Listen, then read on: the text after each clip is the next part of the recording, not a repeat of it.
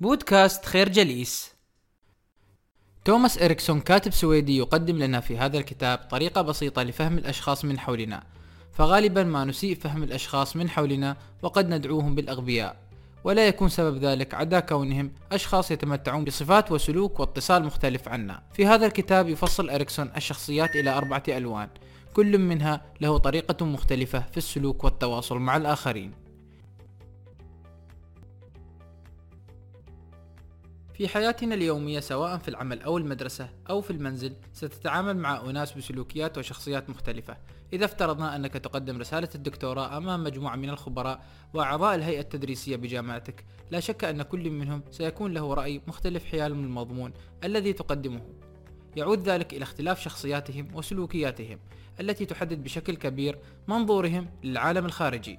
ومن المهارة أن تكون قادرا على تلوين وتغيير أسلوب طرحك لتتوافق مع مختلف الشخصيات التي تقابلها في حياتك. لكي تتعرف على أهم أنواع الشخصيات يصنف الكاتب توماس إريكسون شخصيات البشر إلى أربعة أنواع. بناء على الكتابات العريقة للطبيب الإغريقي الشهير أبو قراط.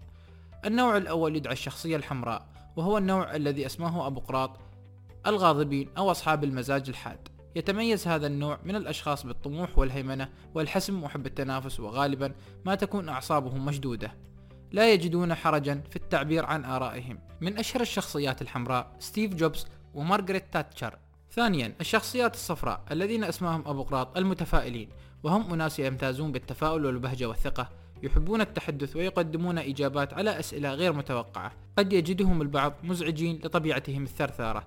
ولكن في المقابل قد يجدهم البعض الآخر كشخصيات مسلية وساحرة. النوع الثالث من الشخصيات هو الأخضر ويشتهر هذا النوع بطبيعة هادئة متزنة مريحة ومتسامحة. وعلى عكس الشخصية الصفراء الثرثارة فإنهم مستمعون جيدون. لا يحب الأخضر أن يكون في دائرة الضوء أو أن يخلق ضجة أو صراعا. لذلك فهم أنسب الشخصيات للعمل في فريق. من أشهر أصحاب هذه الشخصية جيمي كارتر والمهاتما غاندي. أخيرا الأزرق. الذي وصفه أبو قراط بالحزين ورغم أن الكثير قد يصفهم بالتشاؤم إلا أن الزرق يسمون أنفسهم واقعيين ويحبون الاهتمام بالتفاصيل الدقيقة التي قد تؤدي في بعض الأحيان إلى إبطاء العمل. يحلل الزرق كل الأمور بصمت ولا يحبون مشاركة أفكارهم ما لم يتم طلب ذلك منهم. من أشهر أصحاب هذه الشخصيات بيل جيتس وألبرت أينشتاين. الفكرة شخصيات البشر أربعة لكل منهما أسلوبه السلوكي والنفسي المختلف تماما عن الآخر. يمكننا تصوير الشخصيات الأربعة في أربعة مربعات على النحو التالي. يوضح كل جانب من جوانب هذا المربع كيف أن هذه الأنواع المختلفة من الشخصيات تشترك في بعض السمات السلوكية والنفسية. في الأعلى يميل كل من الأزرق والأحمر إلى إيلاء أهمية أكبر للمهام والمسائل. أما في الأسفل نجد كل من الأخضر والأصفر الذين يميلون إلى التركيز على الأشخاص والعلاقات. وبالمثل على اليسار لدينا الأزرق والأخضر الذين يميلون إلى الانطواء والتحفظ. أما على اليمين نجد الأحمر والأصفر الذين يميلون إلى أن يكونوا أصحاب شخصيات انبساطية ومبادرة. وفي حين أن الناس يميلون إلى تصنيف الآخرين ضمن فئة محددة من الفئات الأربع فإننا نميل إلى امتلاك عناصر مشتركة بين نوعين. فمن الشائع أن نجد شخصية زرقاء أي ذات طابع تحليلي ممزوجة باللون الأخضر الذي يميل إلى الاستقرار أو أن نجد الأحمر المحب للتحكم والسيطرة ممزوجا بالأصفر المتفائل. ولكن من النادر أن نجد اللون الأخضر ممزوجا بالأحمر أو الأزرق مع الأصفر. الفكرة يمكننا تصنيف الشخصيات بحسب اهتماماتها ودواخلها النفسية. ولا شك أن كل إنسان مزيج من ألوان مختلفة. الآن بعد أن تعرفنا على أنواع السلوك التي تتميز بها أنواع الشخصيات الأربعة يجب أن ندرب أنفسنا للتكيف والتعامل مع مختلف هذه الشخصيات سواء في العمل أو في صفوف الدراسة أو مع أفراد العائلة. بغض النظر عن نوعية الشخصية التي تتعامل معها قد يكون تقديم النقد من أصعب مواضيع الحوار التي تخوضها مع أي شخصية. دعونا نتعرف على أنسب طريقة للحوار مع مختلف الشخصيات. قد يكون أصحاب الشخصية الحمراء من أسهل الأشخاص للحديث. ذلك لأنهم يحبون التحدث بطريقة مباشرة دون أي لف أو دوران. نجدهم أكثر تقبلا إذا كنا لا نضيع وقتهم ونأخذه مباشرة إلى النقطة الرئيسية من الموضوع بطريقة واضحة وصوت مرتفع وأدلة ملموسة ذلك لأنهم يميلون إلى المواجهة المباشرة.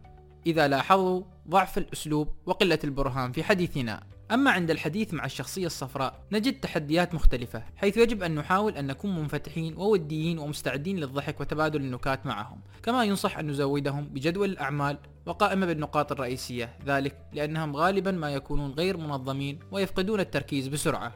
ثالثا الشخصية الخضراء. عند التواصل مع الشخصية الخضراء تأكد من تجنب تسليط الضوء عليها. سواء كان موضوع الحديث سلبيا أو إيجابيا حيث يفضل أن نتحدث معهم على انفراد. يحب الخضر الاستماع إلى تعليمات واضحة أكثر بكثير مما يحبون أخذ المبادرة. ونظرا لأنهم لا يحبون التغيير حاول أن تجعل توجيهاتك سلسة من الخطوات الصغيرة التي يمكن اتخاذها بمرور الوقت للوصول إلى الحل. أخيرا الشخصية الزرقاء. ونظرا لكونهم أشخاص تحليليين يجب عليك التحضير للاجتماع معهم ويجب عليك أن تكون على استعداد تام لتدوين أدق وأصغر التفاصيل. إذا كنت تريد التأثير على اللون الأزرق فيجب أن تكون حقائقك صحيحة وأن تكون قادرا على تقديم تفاصيل دقيقة عن الموضوع وأن تكون مستعدا لتلقي أسئلتهم الدقيقة عن أصغر تفاصيل موضوع النقاش. الفكرة لكل لون من ألوان الشخصيات طريقته المفضلة للحديث والاستماع. تعرف عليها لتتقن فن التعامل مع الجميع. بعد أن تعرفنا على أساليب الحوار وتقديم النقد لمختلف الأنواع الأربعة يجب أن ندرك أن أنواع الشخصيات الأربعة تلعب دورا كبيرا في تشكيل فرق العمل الناجحة. فإذا كنت في خضم تشكيل فريق عملك لابد أن تتعرف على أنواع الأشخاص الذين تعمل معهم وأن تتأكد بأنك قد وفقت بين الأنواع الصحيحة من الشخصيات. إن أكثر فرق العمل توافقا وتوازنا تتكون عادة من أشخاص من الشخصية الحمراء المسيطرة مع الشخصية الزرقاء التحليلية أو الشخصية الصفراء المتفائلة مع الشخصية الخضراء المستقرة. أما إذا جمعت الزرق والخضر في فريق واحد فإن ذلك قد ينشئ مشاكل في اتخاذ قرارات سريعة وحاسمة كون الاثنان يميلان إلى الانطواء والسلبية إلى حد ما وأن قراراتهم تكون مدروسة بتفصيل دقيق وأكثر من اللازم. وعلى النقيض فإن عند الجمع بين الأحمر والأصفر قد نواجه مشاكل كثيرة في الحديث والتواصل كونهم يحبون الحديث دون الاستماع إلى الطرف الآخر. إن أصعب المجموعات توافقا قد تكون تلك التي تجمع بين الحمر والخضر التي نجد فيها الحمر وهم يصفون زملائهم الخضر بأنهم يكثرون في الشكوى من عبء العمل. بينما يرى الخضر زملائهم الحمر كمستمعين متعجرفين وعدوانيين. وبالمثل فالتوفيق بين الصفر والزرق يعد من أصعب التحديات. فبينما يمتاز الزرق بالتحليل الدقيق لجميع التفاصيل نجد الصفر بشخصياتهم الملهمة العفوية وهم ينغمسون في العمل دون تحضير أو تحليل. الفكرة التوفيق الصحيح بين أنواع الشخصيات من أهم أسباب نجاح أو فشل فرق العمل. نشكركم على حسن استماعكم. تابعونا على مواقع التواصل الاجتماعي لخير جليس. كما يسرنا الاستماع لآرائكم واقتراحاتكم ونسعد باشتراككم في البودكاست.